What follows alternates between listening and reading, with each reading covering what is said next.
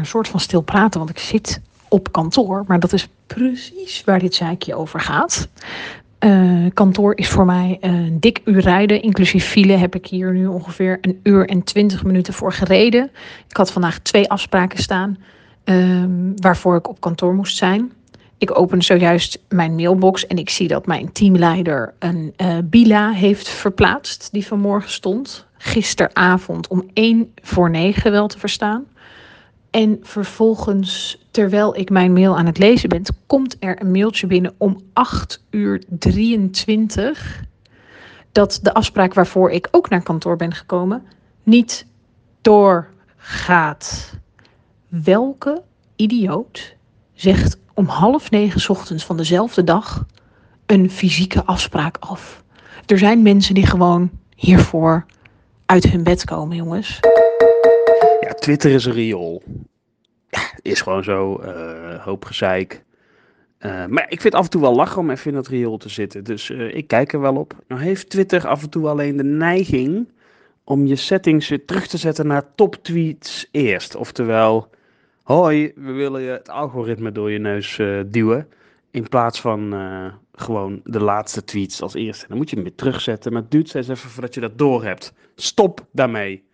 Ik wil gewoon het nieuwste als eerste en ik bepaal zelf wel wat ik top vind. Waarom maak ik nog steeds deze fout? Het overkomt mij te vaak dat ik eh, naar een bouwmarkt ga, zoals ik zojuist geweest ben. Online gezien had dat het product dat ik nodig had uh, nog één op voorraad was. Ik denk, top, die is voor mij. En ik uh, kom er aan en het blijkt er gewoon niet te liggen. Het is, het is, helemaal niet op voorraad. Het zijn er gewoon nul. Zelfs als je daar staat, staat de website nog steeds één op voorraad, maar het, het klopt gewoon niet overkomt me echt te vaak. En waarom leer ik er niet van? Waarom controleer ik niet even van tevoren dat ik even bel van jongens, is die nou werkelijk zo zonde van je tijd?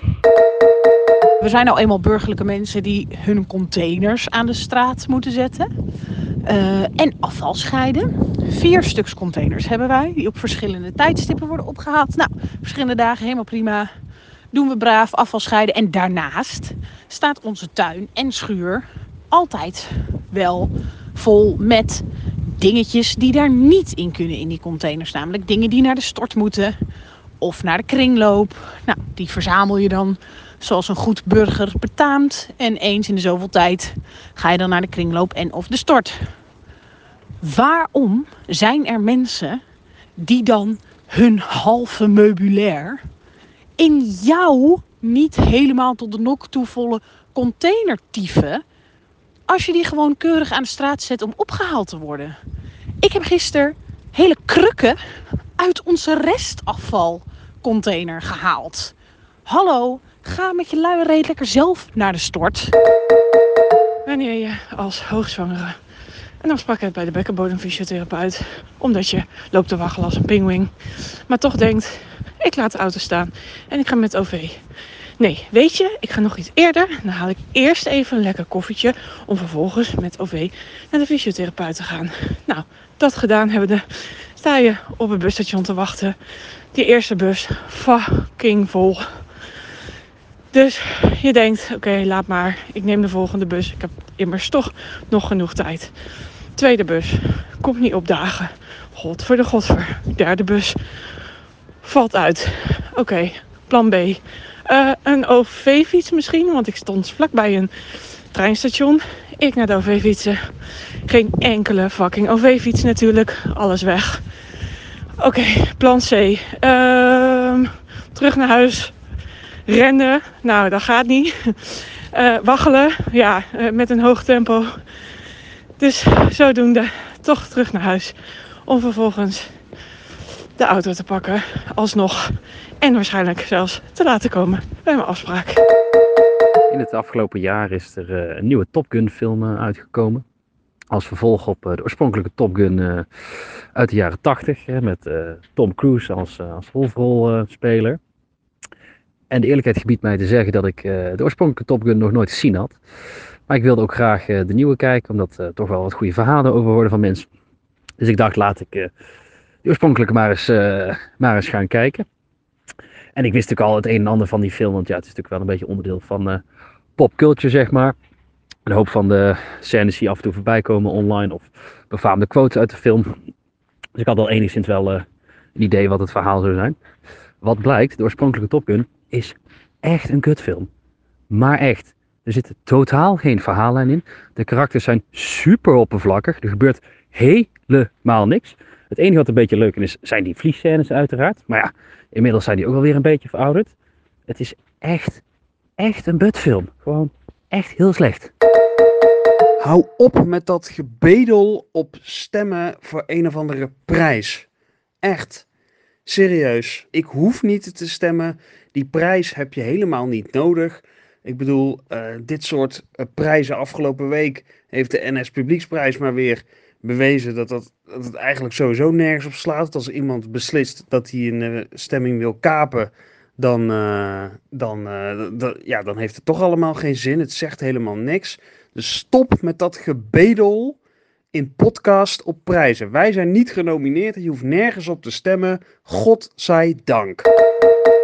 Ik ben dus iemand die uh, on the edge leeft qua tanken. Oftewel, ik rijd die tank altijd helemaal leeg tot je een zeer beperkte, beperkte actieradius hebt. en wacht tot het laatste moment met tanken. Uh, daarnaast heb ik een voorkeur voor een bepaald tankstation waar ik punten spaar, die je dan als een heuse Hollander kunt omzetten in cadeaubonnen. Dus er moet ook maar net het goede tankstation zijn. Zo ook gisteren ging ik op pad met een actieradius van 15 kilometer naar het dichtstbijzijnde tankstation van dat ene merk. Wat dus precies 15 kilometer verderop was om mijn punten te kunnen sparen.